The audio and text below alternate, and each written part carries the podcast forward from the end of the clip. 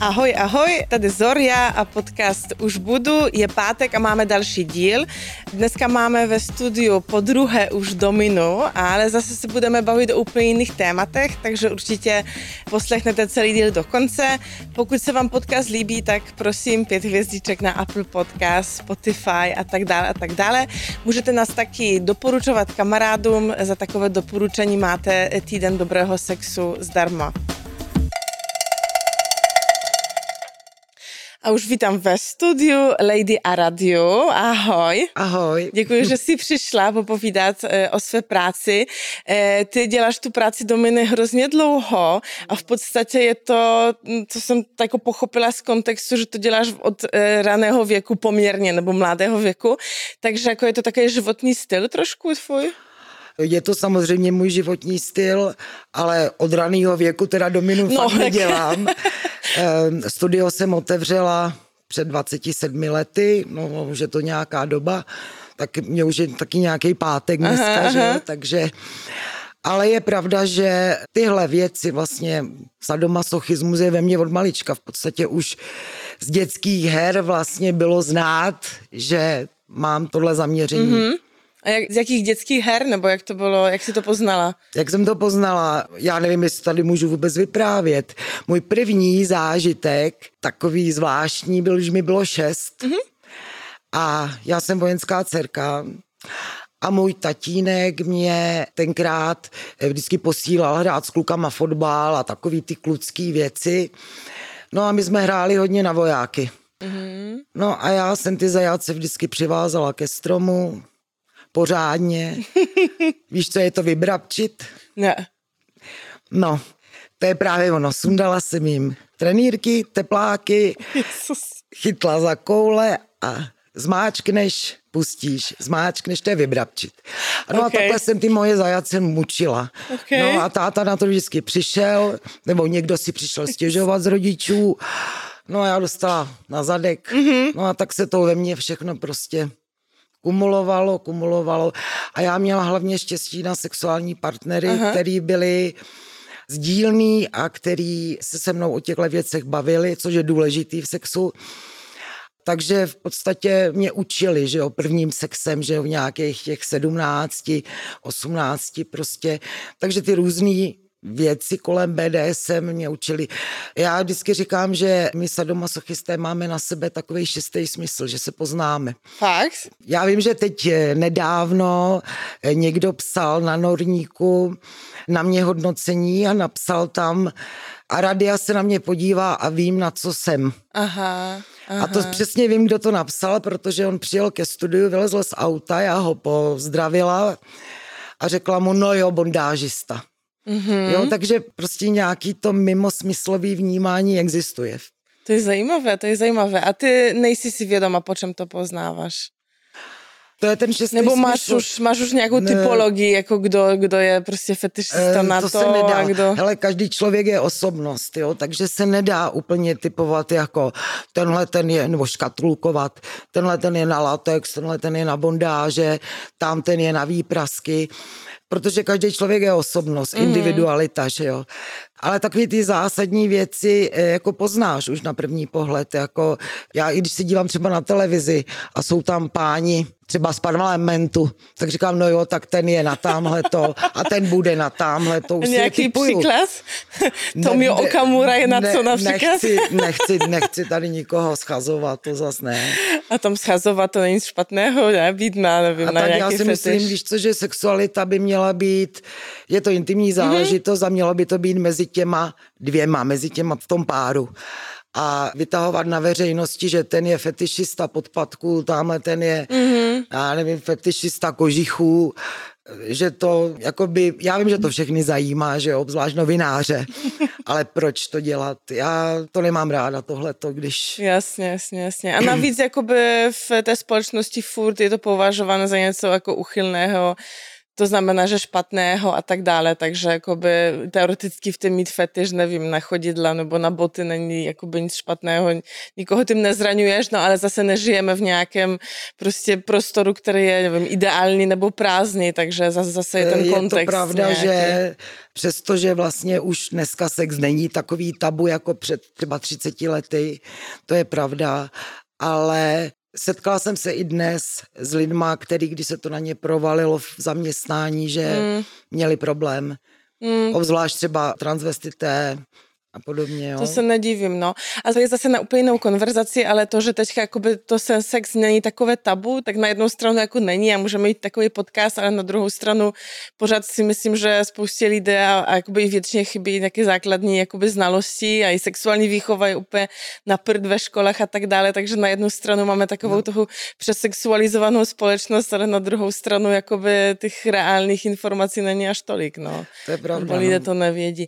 A mě ještě zaujalo, to si říkáš, že jsi z vojenské rodiny mm-hmm. a myslíš, že to mělo nějaký jakoby vliv na to, co má řada? Protože mi se to tak spojuje, že nějaká kontrola, mm. moc, ne? Jakoby... No, to bych neřekla, protože Aha. můj táta byl se mi hodně věnoval v dětství a naopak se mě snažil vést ke sportu a jezdit na kole a takovéhle prostě věci. Volejbal jsme spolu hrávali, ale nikdy nebyl, že by byl dominantní.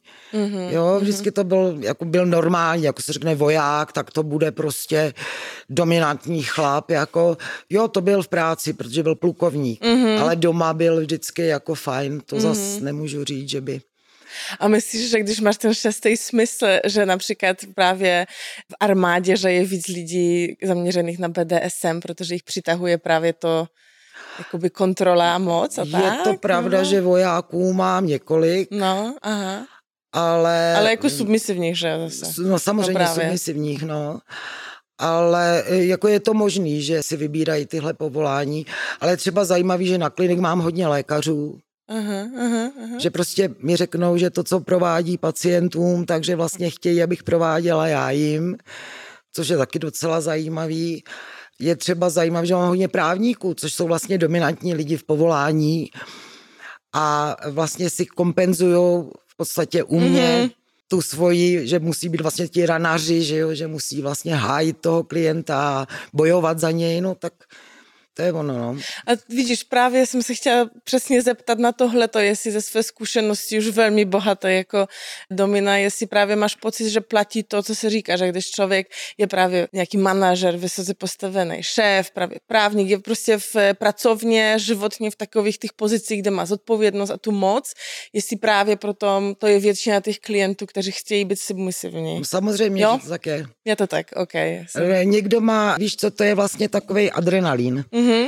Někdo kompenzuje v podstatě to svoje přepětí, napětí, frustraci v té práci, stres, třeba adrenalinovým sportem, že leze po horách, já nevím, jezdí na kole nebo na moři, prostě. Mm-hmm.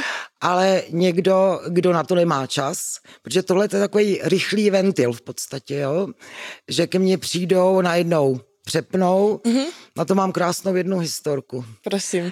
Se ženou ale. No to je v pohodě. Já vždycky říkám, že vlastně musí být nějaká předehra, že jo? I před tou BDSM session. Takový to, že si dopisujem, jaký mám úkoly předem a podobně. A přijel ke mně, nebo volal mi jeden muž, že má přítelkyni, že by jí chtěl dát jako dárek lekci u mě. Super.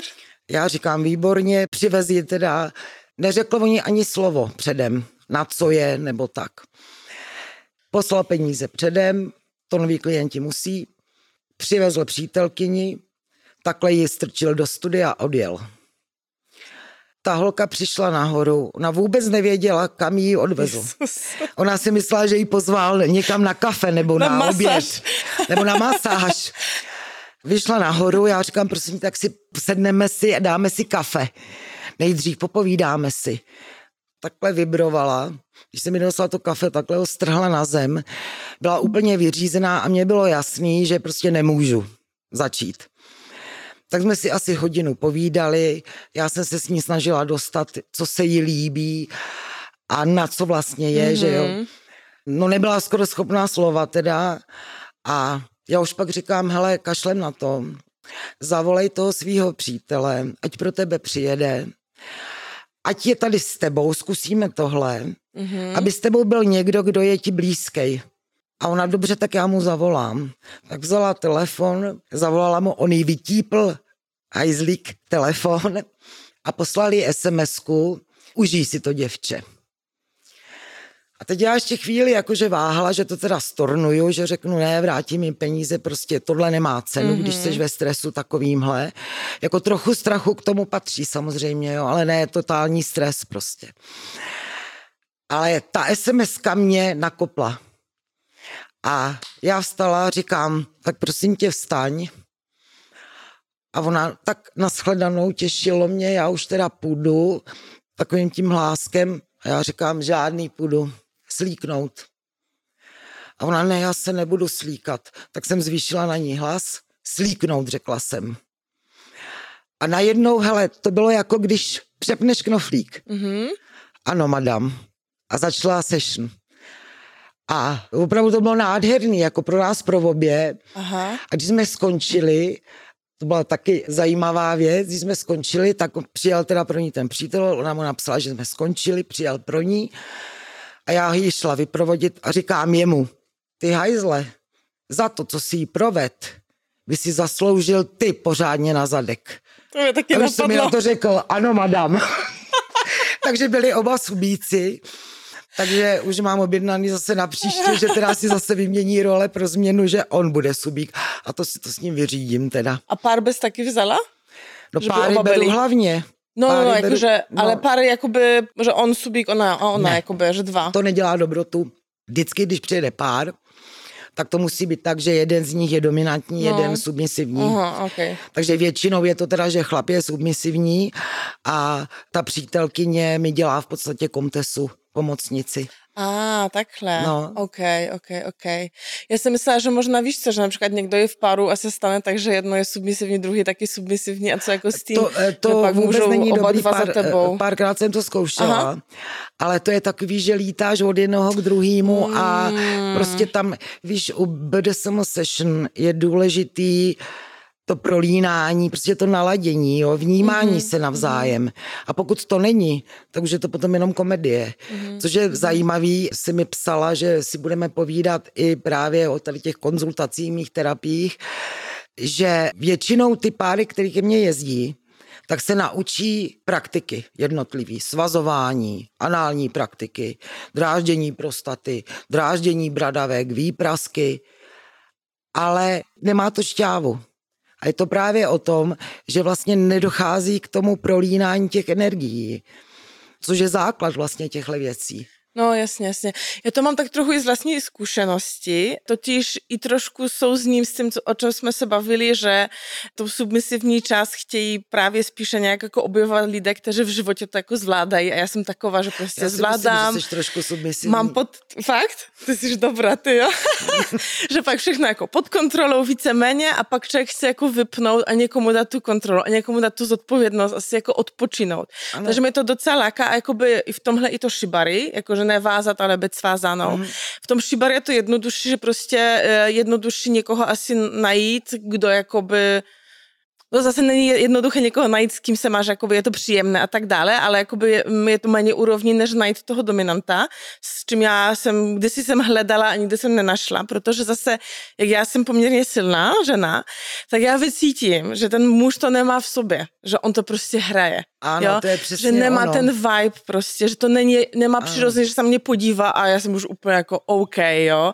A většinou to jsou takový, že oni se chtějí mít tu roli a já vím, že já, kdyby jsme měli ten souboj moci, vím, že já budu ta silnější. A to mi nevyhovuje, protože prostě jako jak, jak se Ale do toho uvolnit. O tom, o tom to přesně já jsem no. měla kdysi, dnes už teda otrokyně nemám, protože nechci a měla jsem otrokyni a mám taky jeden krásný zážitek. Přijeli nějaký dva kluci z Brna, že by si chtěli vyzkoušet BDSM. A já říkám, tak jo, a my chcem otrokyni. A to byla strašná legrace, protože přesně otrokyně bude dole jedině tehdy, kdy má nad sebou osobnost. Člověka, který je silnější než ona. Právě, no. Mentálně. A hlavně musí být inteligentní, nemůže být prostě to primitiv. No a teď si představ, že ti dva chlapci z Brna přijeli a že chtějí otrokyně. Já říkám, dobře, můžete to zkusit, ovšem, já budu u toho samozřejmě, abyste ji neublížili. Ale lekce spočívala v tom, že vlastně vešli do studia, tí Pepo, co s ní budem dělat? Třeba ju svážem, ne? Otrokyně ta se začala smát a ona říká, jako nezlobte se pánové, běžte do bordelu, no. si tam zkusit něco s prostitutkou, ale ne, nechtějte po mně, abych já byla otrokyně, no. když vás vidím. Když já vás pomalu já svážu za chvilku. No, no ono já vám řeknu. pomalu vypadalo, no, že by to tak dopadlo. Jo, takže vždycky je to o tom, proto se tomu říká power exchange, exchange, jo, mm. výměna, výměna síly vlastně. Takže tě úplně chápu. Jo, jo, jo. Proto třeba já, i když jsem měla nějaký submisivní i partnery, když jsem byla mladá, dominantní teda, tak dnes už bych prostě, i když se mě někdo zeptá, co kdyby jsme si zkusili vyměnit role, tak já říkám, a máš na to? Mm-hmm. Protože nejhorší na tom je, když prostě uděláš BDSM lekci a zeptáš se, tak co mám s tebou dělat? Mm-hmm. Tím pádem úplně rozhodíš celou tu session a je to prostě o ničem. No jasně, nejde. No. Ještě jak si vyprávěl tu storku s tu holkou, co ji přivez přítel, tak jak ty pracuješ tam v takových případech s nějakým konsentem? Jakoby jak poznáš, jestli ona jako přijela a fakt se jako bojí a řekne, co jí uděláš, ne proto, že by to chce nějak, ale proto, že prostě je tak vyděšená z té situace. Víš, co myslím? E, víš, to trošku strachu k tomu samozřejmě jasně. patří, aby ten subík nebo subinka přijeli nervózní, to je jasný. Ale když už je pomalu na kolaps, tak to prostě nemůžeš tu lekci začít. Mm-hmm, mm-hmm. Hlavně ani jedna by jsme z toho nic neměli. To je právě pořád mluvíme dokola o té výměně energií. Mm-hmm, musíme se na sebe naladit, musíme se vzájemně vnímat. Jo, proto třeba já ani ne ve studiu, když někdo ke mně přijde nový a chce komtesu, tak já říkám ne, První lekce nikdy nebude s kontesou, protože my dva se musíme poznat, my dva se musíme na sebe naladit, aby to mělo smysl. A až přijdeš po čtvrtý, po pátý, pak teprve můžeme zapojit ještě dalšího člověka, kontesu. A ta kontesa to je potom ten někdo od tebe nebo od toho? E, já mám několik kontes Aha. podle zaměření. Jedna je na latex. Latexačka ta si vyrábí i svoje oblečení, Madame Luciana. Pak mám jednu takovou, která je v podstatě univerzální a je switch, což je dobrý, protože jí se třeba líbí zrovna bondáže, když má zavázaný oči a je spoutaná a já si s ní hraju, takže takovéhle věci, takže jsou i, ke mně nejezdí jenom masochisté nebo subíci, ale jezdí ke mně i třeba switch, lidi, kteří jsou switch, kteří přepínají role, takže třeba to uděláme tak, že on si chvíli hraje s komtesou a potom já to utnu jako a dost, to už stačilo a jedem. Mm-hmm. A teď budeš poslouchat ty. Takže pro lidi, co to neznají, tak Kontesa je taková tvoje prostě pravá ruka? To je v podstatě, Kontesa je vlastně podřízená dominy, uh-huh. ale nadřízená otrokovi. Uh-huh. Uh-huh. Takže okay. tak. OK, OK.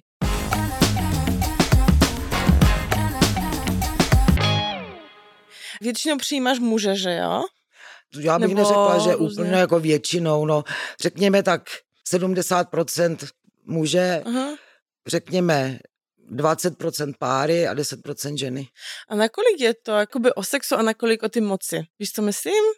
Vím, jak asi koncipovat tu otázku uh, dobře. Víš, eh, jedna moje kolegyně, která už bohužel není mezi náma, napsala krásnou větu, když psala svoji knížku taky, jsme byli, hodně spolupracovali, a napsala krásnou větu, že BDSM je sex přes hlavu. Mm-hmm. A to, to s tím se setkávám fakt pomalu denodenně, když mi sem přijdou noví dámy, který řeknou, já chci být dominou.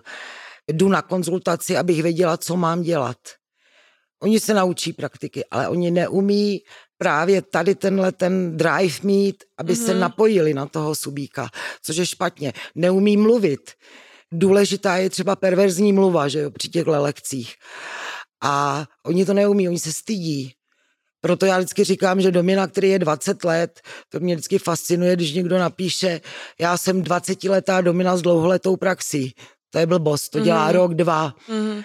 Já to dělám skoro 30 let a pořád se mám co učit. A to si myslím, že to je důležitý. Víš, vnímat ty lidi, poslouchat je, snažit pochopit to jejich zaměření, protože těch úchylek je strašně moc, nebo parafilí, že jo.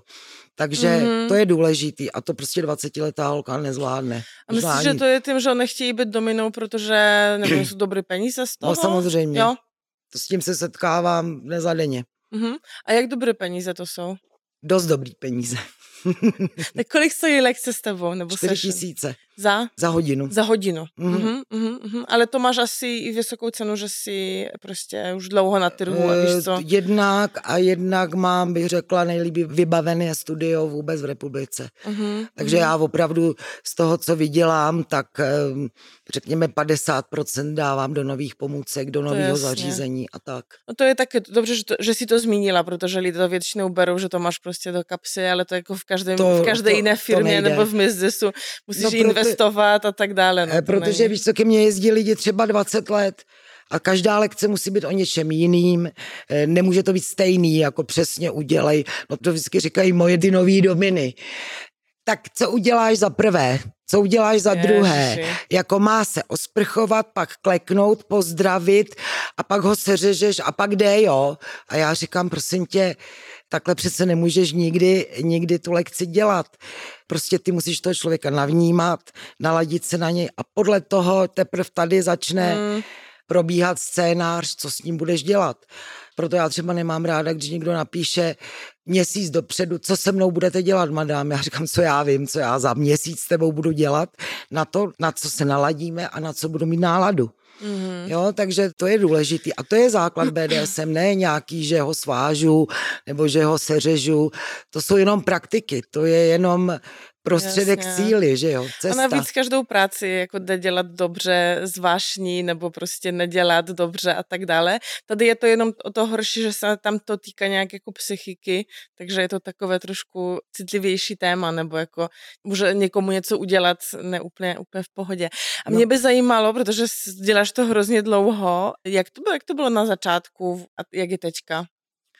Myslím celá komunita, přístup k BDSM. Tak já jsem v podstatě, já jsem byla redaktorka a psávala jsem do erotických časopisů o BDSM. Mm-hmm. A tenkrát probíhal, to si možná ještě byla malá holka. jsem 8-5, takže. No tak to si byla ještě malá holka. Kdy bylo na nově probíhal pořád tabu. To si možná... To vůbec, ne... protože ne, že mi bylo pět a to ještě jsem byla v Polsku, tebe. takže totál. Jasně. A oni chtěli začít nějakým atraktivním tématem. A přišli na mě, že teda píšu o BDSM, tak proč asi? Takže pozvali vlastně mě do toho tabu. Byl to přímý přenos tenkrát. A v podstatě po tom tabu neviděla žádný díl. Ne. Tam byla taková budka, uh-huh. host seděl v budce, a Roman Šmucler jako moderátor je spovídal. Mm-hmm. A na tobě bylo, jestli na závěr z té budky vyjdeš, anebo ne. A... a my jsme byli domluvení, je to první díl, hlavně z té budky nevycházej, jako bude to v pohodě. Aha. A teď ten Roman si se mnou povídal a já seděla v té budce, byla jsem teda oblečená za, jako domina kvůli fotografům, protože se z redakce, že jo, mě chtěli nafotit, aby to bylo prostě to, jako na článek. A když vlastně skončilo to tabu, tak ten Romač musel se mě zeptal, chcete vylézt z budky nebo chcete vystoupit z budky? A já říkám, do prčic, tak já tady obhajuju BDSM komunitu, lidi s jinou sexuální orientací a budu se stydět tak jsem z té budky vylezla, to i Roman byl z toho vyděšen, jak, je, jak to jsme se nedomluvili, že jo. No a pak to začalo. Já jsem tenkrát učila na střední škole. Takže oh, wow. druhý den výpověď na stole. Jo, oh, shit. Přesně tak. A lidi si na mě ukazovali prstem, to je ta uchylačka, prostě, když jsem šla po roudnici. No jasně, ještě malé město, že Takže ty začátky byly dost těžký a potom si mě vlastně ujali holandský, jak bych to řekla, manažeři, kteří provozovali sex shop v Praze mm-hmm. a pokoušeli se udělat první pornokino. Okay. Dokážeš to představit v těch letech? Asi ne. Pornokino. Takže tam nikdo nechodil. Yeah. Takže mi tenkrát přišli za mnou a řekli mi, hele, co kdyby jsme tam udělali SM Studio, první mm. v Čechách. A já říkám, prostě v Čechách, tady postkomunistický zemi, no zkusíme to a uvidíme. Takže tedy jsme otevřeli vlastně v Praze první studio, tam bylo narváno prostě 10 lidí, 20 lidí, za den to bylo šílený. A já říkám, ježiš, já to takhle ale nechci dělat, takhle to prostě no, nejde. Tady prostě jde o to, že k tobě chodí lidi, kteří to v životě nikomu neřekli. A teď najednou měli možnost přijít k domině. Takže já to vydržela pár měsíců tímhle způsobem, jako na hodinu, jestli si povídáte nebo ne, odchod. To prostě takhle nešlo. A pak jsme se teda nějak dohodli, že tam teda skončím a otevřela jsem si studio v Roudnici nad Labem. No a začala dělat první večírky pro BDSM komunitu. Mm-hmm, okay. Takže v podstatě první, vlastně dá se říct, mě vždycky novináři o mě píšou jako první dáma českého je, BDSM. Je, je. Takže já jsem začala v podstatě milovat vlastně komunitu. Mm-hmm. Dneska už těch různých večírků a setkání jsou stovky možná, což je fajn, ale tehdy to teda to bylo strašný. To, když jsem pořádala první večírek, tak jsem tam byla já jediná domina moje komtesa a sto chlapů na tom večírku, jo. což teda co s nima budeš dělat, že? a mě zajímá, jak, jak to organizačně jako vypadalo, víš co, jako pro lidi, co teďka možná někteří poslouchají, tak si nedovedou představit jak to svět fungovalo? bez internetu, ale to prostě odkud internet. oni věděli ještě takové To nebyl téma. ani internet, ani mobilní no telefony v no to podstatě. Já, tohle si pamatuju, tohle. Pamatuju si no. na střední, jaké to byla ostuda, jak mamka mi dala na nějaký tábor mobilní telefon a já jsem jí psala ze záchodu SMS hezky, že jsem se styděla, že to máma nikdo neměl, takže no, trošku se no. to proměnilo. Tenkrát eh, jsme se scházeli dominy inzerovali, pokud byly, teda jsem byla Aha. první dominou vůbec v Čechách, v Anonci, to byl časopis nebo noviny jo, to, inzertní mm-hmm. a ty inzeráty byly typu přísná paní hledá otroka. A tak jo, prostě v erotické sex, sekci pak to taky jsem byla u zrodu vlastně, jsme za, začali vydávat časopis Sex Perverse a Sex Kontakt. Mm-hmm. No tak tam už potom postupně začínaly ty dominy inzerovat, prostě já tam psala články zase o BDSM a protože hodně lidí zajímalo, kde se to v lidech bere, trošičku jsem tam i teoreticky jako rozebírala prostě názory různých psychologů a tak. Takže nechtěli jsme to, aby to bylo vyloženě jenom z prostých časopis, prostě pro uchyláky, jak se tenkrát říkalo, ale aby to bylo hlavně i trošku takový jako Jo, aby ty lidi pochopili, o čem to, že to není, to je důležitý, ale teď jsem přišla na důležitou no. věc. No. Když ke mně chodí na konzultaci páry, tak manželka první většinou věta je, prosím vás, dá se to nějak vyléčit. A já říkám, prosím vás, jak jste přišla na to, že to je nemoc. Nemoc má svoji příčinu, průběh, léčení a konec té nemoci, vyléčení. Ale tohle to je složka osobnosti každého člověka, s tím se člověk narodí. Přečtěte si Freuda, přečtěte si Grofa, přečtěte si Ali Froma, všichni psychologové současní o tomto píšou, že vlastně člověk v podstatě zažívá první trauma už při porodu a v podstatě to trauma, psychika je totiž zvláštní věc, že trauma, který zažíváš a bolest, který zažíváš, může zpracovat jako příjemný pocit. Jo, a z toho potom, když v dospělosti zažiješ nějaký stres nebo nějakou bolest, takže se vracíš vlastně do toho raného vlastně dětství. Schválně, kdy si myslíš, že člověk zažije první trauma? No nebo když se u porodu, když Při prochází porodu. prostě ten ano. a, a najednou ano. je prostě v nějakém jiném světě. Ano. Takže to jakoby, já jenom tady zmíním, protože to tady ještě jsme to neřekli, že jsi psycholožka, doktorka ano. v podstatě, ano, že jo, ano. takže PhD, takže aby lidé věděli, ale takže to jakoby, nakolik je to jako genetické a nakolik to pochází z toho raného dětství nebo z těch traumat porodu nebo první dva roky asi života se říká, jsou také jako nejvíc ano, formují ano. člověka. No to je Freud, jo? co teďka říkáš. Freud v podstatě říká, že vlastně dochází k fixaci na vlastně první vlastně ty čtyři období, což je vlastně orální, kdy dítě vlastně pije z prsu matky anální, uretrální a falická. Ano. To je jasný, anální, to je jasný, že se pokakává, že jo, hraje si z výkaly, potom uretrální zase počůrává, že jo, a falická jakože okusuje hračky, strká si prsty do pusy a podobně. A potom přichází rodiče to nesmíš, to se nedělá, to je fuj. Mm-hmm. A to je vlastně to trauma prvotní, který, nebo prvotní, prvotní už je při tom porodu, že jo, to vlastně, kdy vlastně dítě vnímá, že je to příjemný, ale že to nesmí. Mm-hmm.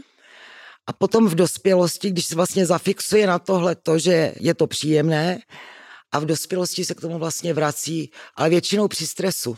Ke mně nikdy nepřijde člověk, který je v pohodě.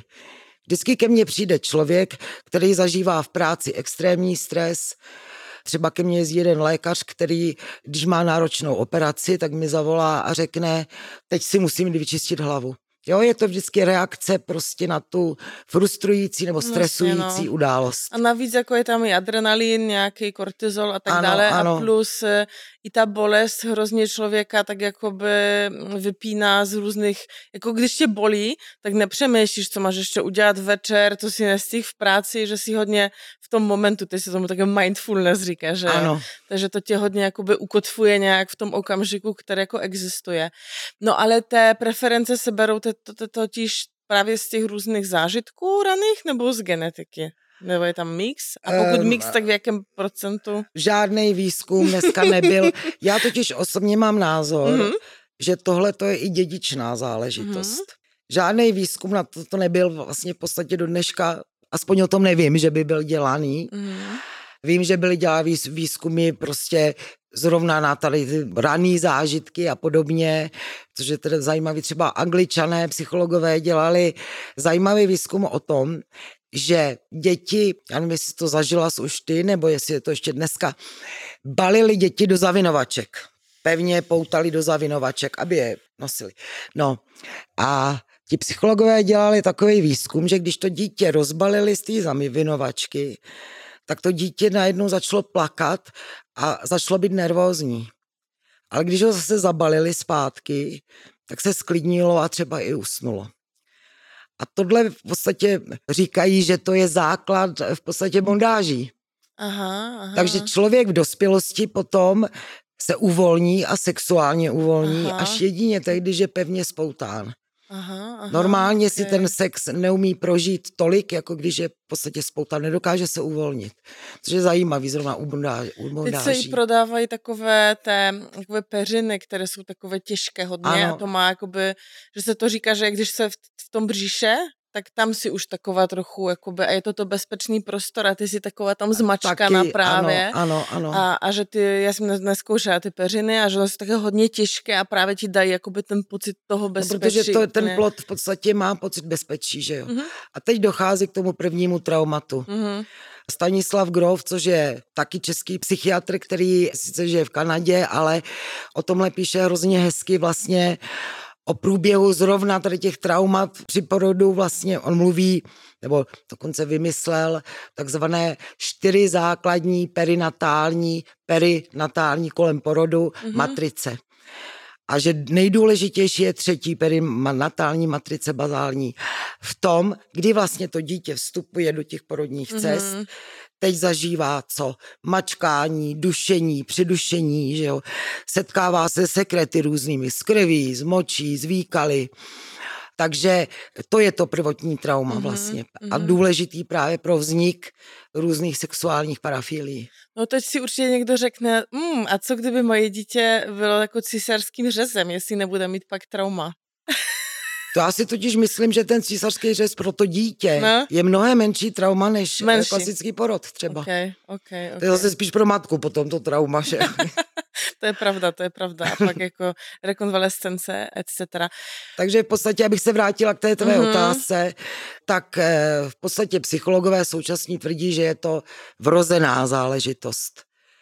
Ovšem já osobně z mé zkušenosti vím, že je i dědičná víceméně, protože mám spoustu klientů, ke mně chodili tátové a dneska její synové? Takže určitě tam musí být něco, že nemůže to být výchovou, že jo? Ty nebudeš vychovávat dítě buď masochista nebo buď fetišista. No, Takže no. ta výchova to je jenom, ta tě usměrňuje jenom. Mm-hmm. Ale samozřejmě v tobě to musí být, když už přijdeš na svět. A teď, kde se to bere, někdo si to zpracuje, já budu teda masochista, já budu fetišista a jiný mozek si to zpracuje, mm-hmm. tak já mhm. budu teda normální a tohle mě nebaví a nelíbí se mi to, mm-hmm. že jo, mhm. to je prostě... Jo, lidská psychika je prostě zvláštní. Je, no, je to hrozně zajímavé. A jak poznáš, jestli někdo přišel k tobě na, na lekci, na session a je, to jakoby, je tam na správném místě, anebo spíše by měl jít na nějakou psychoterapii, případně jinou odbornou pomoc vyhledat, nebo tohle vůbec jako neřešíš? Podívej se, to je zajímavá otázka. Když se mě někdo ptá, nebojíš se, že ti někdo ublíží, třeba, že je to opravdu psychopat, jenomže sadomasochista a vlastně sexuální agresor, patologický sexuální agresor, to jsou dvě rozdílné věci. Mm-hmm. Patologický sexuální agresor reaguje spontánně.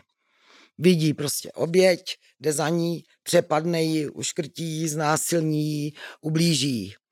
Kdežto sadista, ten si dává na čas.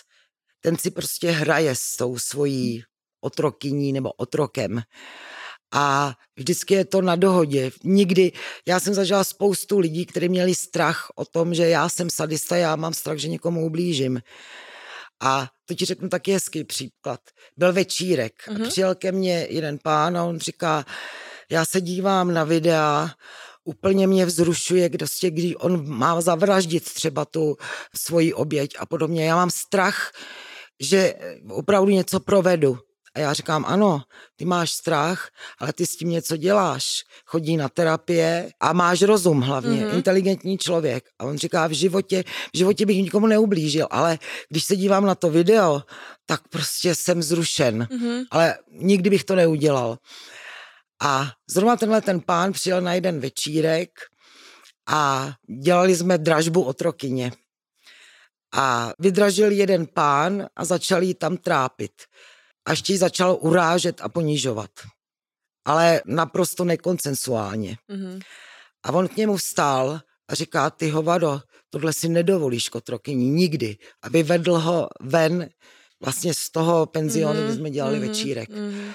Takže já jsem řekla, ne, ty se nemáš čeho bát, ty víš, kde máš hranici. Mm-hmm. A to je důležitý. No jasně, když člověk má tu reflexi, tak je to o něčem no, no, jiném. No, no, no. A, a sadomasochisti, ty jsou v podstatě, to jsou v podstatě neškodní, jako tam nej, není o tom, že by někomu opravdu ublížili. Tam je to vždycky o tom vlastně sane, safe, consensual. Já ještě tady doporučím, když někdo poslouchá a zajímá vás to téma, tak jsme měli díl s doktorkou Klapilovou z Národního ústavu duševního stravy právě o parafilii, která jakoby mm-hmm. i koordinovala, koordinuje jo, parafilik CZ, mm-hmm. takové stránky, takže tam je i nějaká odborná pomoc, nějaké rady a tak dále.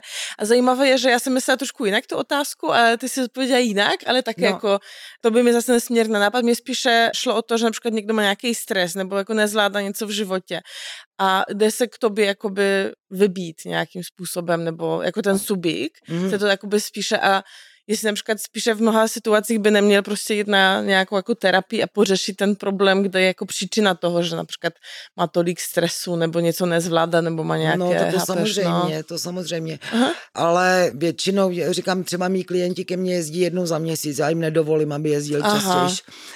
Protože ono v podstatě BDSM je jako droga.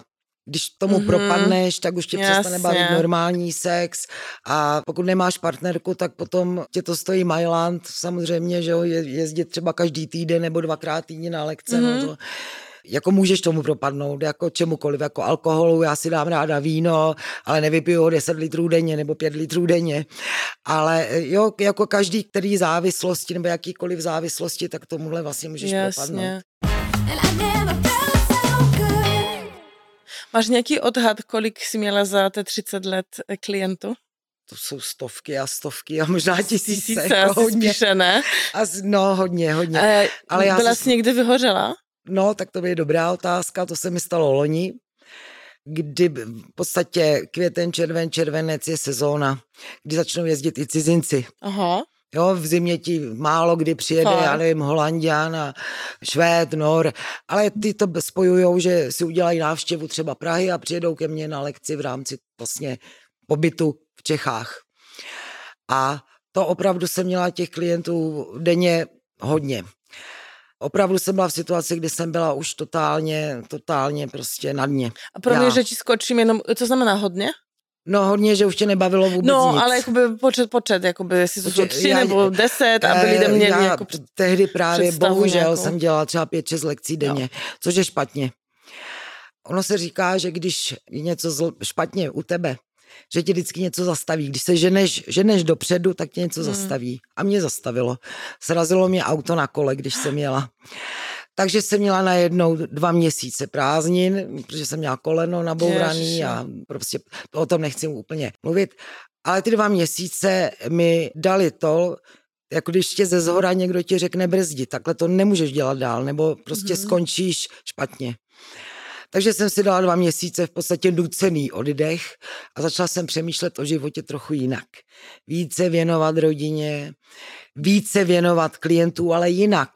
A dnes už to dělám tak, že dělám maximálně dvě lekce denně. Mm-hmm, okay. A jako opravdu tak, že třeba jednu dopoledne a jednu třeba na večer, aby měla čas připravit studio, připravit scénář, po odchodu klienta zase uklidit studio a přemýšlet o další lekci.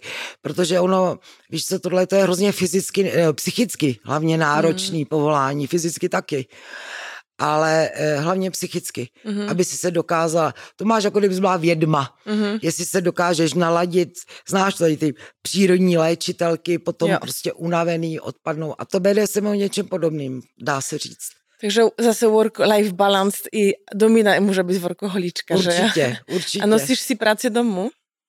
No, bohužel, nebo bohu dík, můj manžel je můj fotograf zároveň a e, je fetišista vysokých podpadků, kůže, kožešin a těchto věcí. Takže já už mám jednu místnost jenom plnou bod, asi pět štendrů kůže takže v podstatě to tak je, že on mi prostě nakupuje věci z těch, já chápu to, že jo, že ho to no, prostě baví, tak ono je jiný asi sex, když seš ve flanelový noční košili nebo když máš na sobě kozačky, to je No jasný. je, no. No a rád vlastně fotí, protože on je fotograf, vlastně vyhrál Czech Press Foto, takže dobře fotí. Takže jsme založili dokonce na internetu nějakou galerii, prostě fetish art, kde Jasně, vlastně fotíme. Máme tady album mám, tady. Tady máme album jedno, který vydáváme. Takže v podstatě my BDSM žijeme vlastně 24 hodin denně, dá se říct. A co rodina nějaká nejbližší na to? Nebo Moje rodina a... o tom samozřejmě ví. Ja. Je teda zajímavý, že když jsem tenkrát byla v tabu, tak můj táta, protože tenkrát to opravdu bylo tabu, o tom se vůbec nesmělo mluvit na veřejnosti, že je někdo takový nebo no, makovej, presně, že jo, no. žádný tady, já jsem transvestita, já jsem, no a to je totiž ještě, to jsem ti zapomněla ještě, a to je důležitá otázka, věc, jak jsem se k tomu vlastně dostala, uh-huh. ještě mimo teda tabu. Uh-huh. Proč jsem šla na psychologii? Já, když se mi narodil mladší, nebo to jsem už studovala psychologii, a když jsem se rozhodla, že se budu zabývat tímto vlastně parafiliemi. Když jsem byla asi ve třetíku na škole, tak se mi narodil syn. A já bydlela u rodičů a na patře tam bydlel plukovník s manželkou a měli čtyři děti. A jednoho dne ten plukovník onemocněl, dostal chřipku. Manželka byla kuchařka v nějaké závodní jídelně a chtěla teda svého manžela překvapit a donést mu teplý jídlo k obědu a našla ho v dámském oblečení.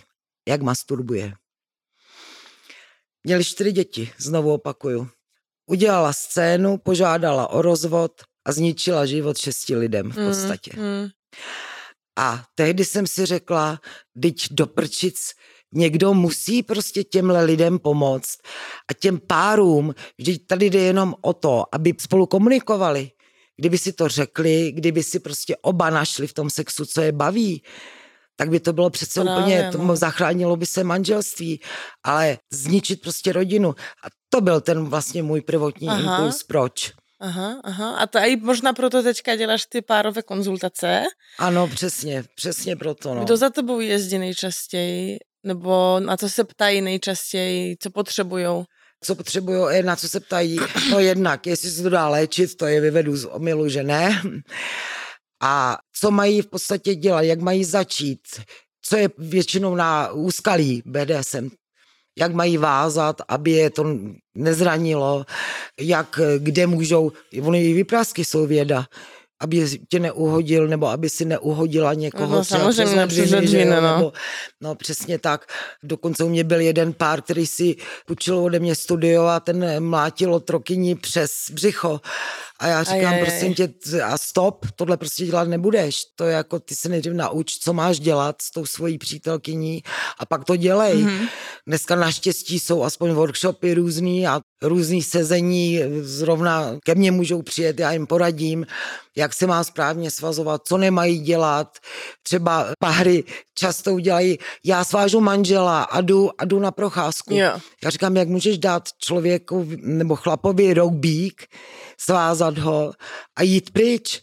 Teď ty musíš být u toho, protože co když začne dusit, co když vdechne slinu, co když se udusí, vrátíš no, se a nebo bude Nebo ona, ona, nevím, srazí auto a ona pojede do nemocnice a, a on tam bude svázaný 10 dnů, nebo co, jako. No, to mám tak jednu hezkou historku. Jeden otrok mi psal, že se zamkne do pásu cudností a pošle mi klíč poštou a pak přijede na lekci a ho odemknu a já říkám, prosím tě, při dnešních poštách, já bych nesázela na to, že ten klíč přijde, možná, víš co.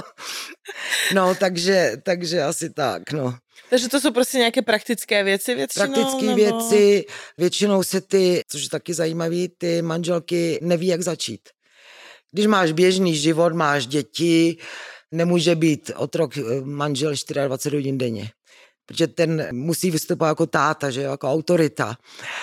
No, takže ona mi pak řekne, no jo, ale tak on je tatínek eh, u dětí, teď mi uložíme děti a teď co, mám se oblít za dominu a říct a teď budeš a ta na kolena, pozdrav. Mm. Já nevím, jak začít a nevím, jak udělat scénář. A já říkám, takže scénář, to je důležitá věc, nebo scénář, to, co budeš dělat, musíš vycítit, na co on má náladu. A jak začít? Udělejte si nějaký symbol, něco prostě. Třeba, já nevím, položíš pokud máte důdky, uložíte děti, že jo, a položíš důdky třeba mm-hmm, na stůl. Mm-hmm. A on už ví, že ten večer musí být otrokem. Mm-hmm. Není to o hře, nemůžeš to zahrát, teď najednou, teď si klekni, děti šli spát, budeš otrok. Takhle to nefunguje prostě. Musí prostě, on se na to musí připravit trošku, že jo, že ten den to bude. A dalším problémem u těch párů bývá i to, že ty manželky nemají fantazii, protože nejsou takhle zaměřený. No, což jasně. je taky důležitý. A ona mi řekne, no já nevím, co s tím mám dělat příště a co mám dělat příště. A já říkám, ale o toho si domina, tak mu dej za úkol, napiš mi otrocký dopis a v něm vyjádři své fantazie, co budem dělat. A já rozhodnu, jestli to dělat budem nebo ne, nebo si vyberu jednu věc, co mě z toho zaujme. Mm-hmm. Takže takhle si ty navedeš jeho, aby si poznala, co ho bude bavit, nebo co ho baví, na co on je. Mm-hmm. Tam je hrozně důležitá komunikace u těch párů, to jako v každém sexu, že jo. No to furt jako každé téma, které kolem sexu, tak vždycky tam zazní ta komunikace, to je jasný. No to je jasný. A no. většinou to je jakoby muž submisivní a žena dominantní, nebo jakoby možná nedominantní, ale chce mu nějak jako vyhovět v těch, co za tebou jezdí? Uh, ano, ano že prostě, protože za domino, no, že ten manžel to, ano, že ten manžel jí to teda se konečně, protože chlapi jsou sraby, dostane odvahu a řekne to doma, začne, jo, protože spousta chlapů to tají. Radši pojedou k domině, než by to doma řekli manželce, protože se bojí opovržení, bojí se, že při první hádce vlastně to vytáhne ta manželka, jo, ty seš úchyl, nebo ty seš prostě jiný a špatný a takže se bojí to říct. Mm-hmm. A když už konečně teda dostanou odvahu, já k tomu kolikrát jsem dokopávala třeba roky, jo? roky, aby se svěřili. Já říkám, komu to jinému máš říct, než nejbližšímu člověku. Takže když už jí to teda konečně řekne, tak potom je to teda to tak, že on ji přesvědčí, aby přijeli teda na konzultaci ke mně nebo na terapii ke mně, kdy si teda povídáme o tom, co vlastně s tím manželem má dělat, jak to má dělat což eh, zrovna nedávno byla zajímavá, zajímavý rozhovor, kdy ta eh, manželka řekla, No prosím tě, tak já ho mám svázat a co s ním mám jako dělat, jako co, to, co mě nebaví, prostě to jako sex. A já říkám, počkej, brzdi. Řekni mi, co tebe by se líbilo v sexu. Mm-hmm. Cokoliv, nemusí mm-hmm. to být BDSM. Co máš ráda v sexu? A ona mi na to řekla, no orál, když mě líže.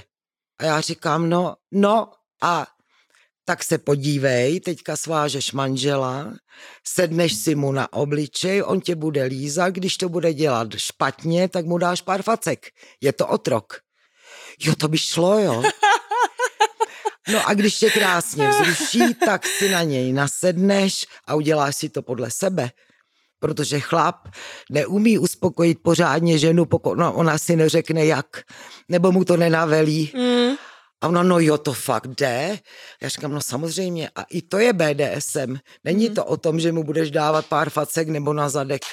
Mm-hmm, mm-hmm. Ale že on bude sloužit tobě, aby ty si byla spokojená. Mm-hmm, mm-hmm. No a můžu ti říct, že z deseti párů devět se chytne a začnou si takhle hrát potom. A to je právě, to si myslím, že je dobře, že existují média, že existuje internet, i tady X hamstry a tady ty různý porno videa s BDSM tematikou, protože ty ženský opravdu oni si myslí, BDSM je o bytí. Říkám, ne, já vemu rákosku do ruky jednou za rok. Já ho nepotřebuju být, aby poslouchal. BDSM je o manipulaci, o ovládání. Mm, jasně.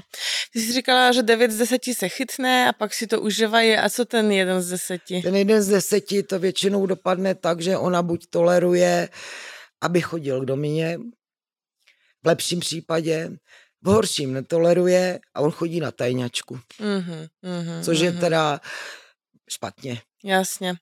Tady by bylo asi dobře zmínit, že jakoby mezi váma jako dominou a subíkem jako neprobíhá sex ve smyslu ne, jako penetrace ne, ne. a tak dále, tak dále, že jo, že to jako záleží na definici vašem vztahu, co je podvádění a co není, ale pro mnoho lidí podvádění to je jak už ten sex a ještě s penetrací nebo líbaní, tak jako teoreticky tohle se tam neděje, že jo. To se samozřejmě neděje, což ale teďka si přišla na zajímavou otázku, co je to nevěra. No jasně. Třeba já mám jednu nebo měla jsem, teď už otrokyně opravdu nemám, protože opravdu otrokyně se musí, musí být sympatický ten protějšek, že jo, musí se na ně naladit taky. Ale otrokyně vždycky, když jsem mi měla, tak řekla každému klientovi, můžeš se mnou dělat cokoliv, ale nesmíš ho do mě vsunout. Mm-hmm. To už je nevěra. A to jsem se začala smát, protože já říkám, hele, ale to, že ti eh, masážní hlavici udělá čtyři orgazmy za eh, session, tak to nevěra není. Že ti tam strčí eh, vibrátor, to nevěra není. Ale kdyby ti tam strčil penis, tak už to nevěra je. Takže každý to má úplně někde jinde jinak postavený, ano. jo? No určitě a to jsou věci, ve které teoreticky by se v páru také měli jako komunikovat, co znamená ano, pro mě vztah, ano. co znamená prostě monogamy nebo nemonogamy, co to je nevěra pro tebe, pro někoho je to, že něk, někdo někoho, nevím, sleduje na Instagramu zase pro někoho už jaký sex prostě a někoho eh, líbání Podívej, a tak. Já třeba takže... mám jako za nevěru, považuji, a to si dodržuju teda, když ke mně přijde klient, tak při session je dovoleno v podstatě cokoliv mm-hmm. erotických praktik mimo teda sexu a odejde a neznáme se. Ale za nevěru považuju, a to se stává často, že mě zvou na večeři, na dovolenou, na výlet. Já říkám, ne, to už je nevěra. Tohle to bylo jako když ke ginekologovi přijde žena, tak on si s ní eh, vyšetří a nazdar ale nenapadne ho, pojď, půjdeme spolu na oběd. No některé bohužel napadne, možná, ale, ale to, to už je ta nevěra. To, to už je ta nevěra.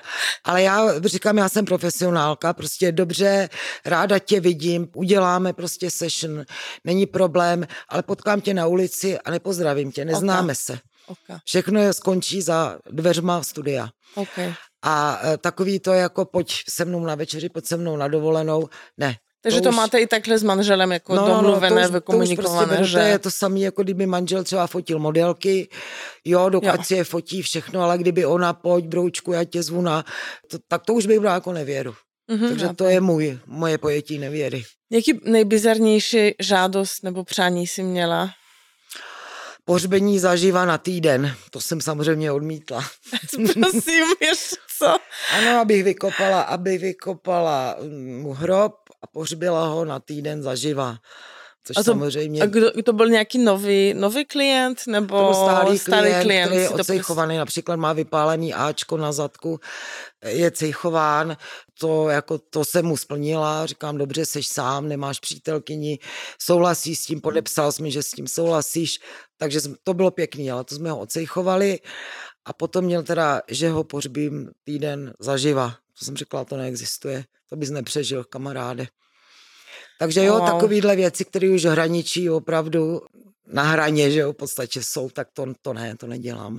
Kastraci, že jo, to je taky častý přání, ale to vůbec. OK, OK. Ještě něco, co, co nepřipadá v úvahu? Co ne, no samozřejmě kaviár, což je vlastně pokálení. Já tady ty, tyhle ty skét, vomit a tady ty věci, to prostě vůbec to, to je moje hranice teda, no. jo. Jako respektuju, jestli to se někomu líbí, ať si to dělá, ale jinde. Mm-hmm. Jako jsou dominy, který třeba ten kaviár provozují, jo.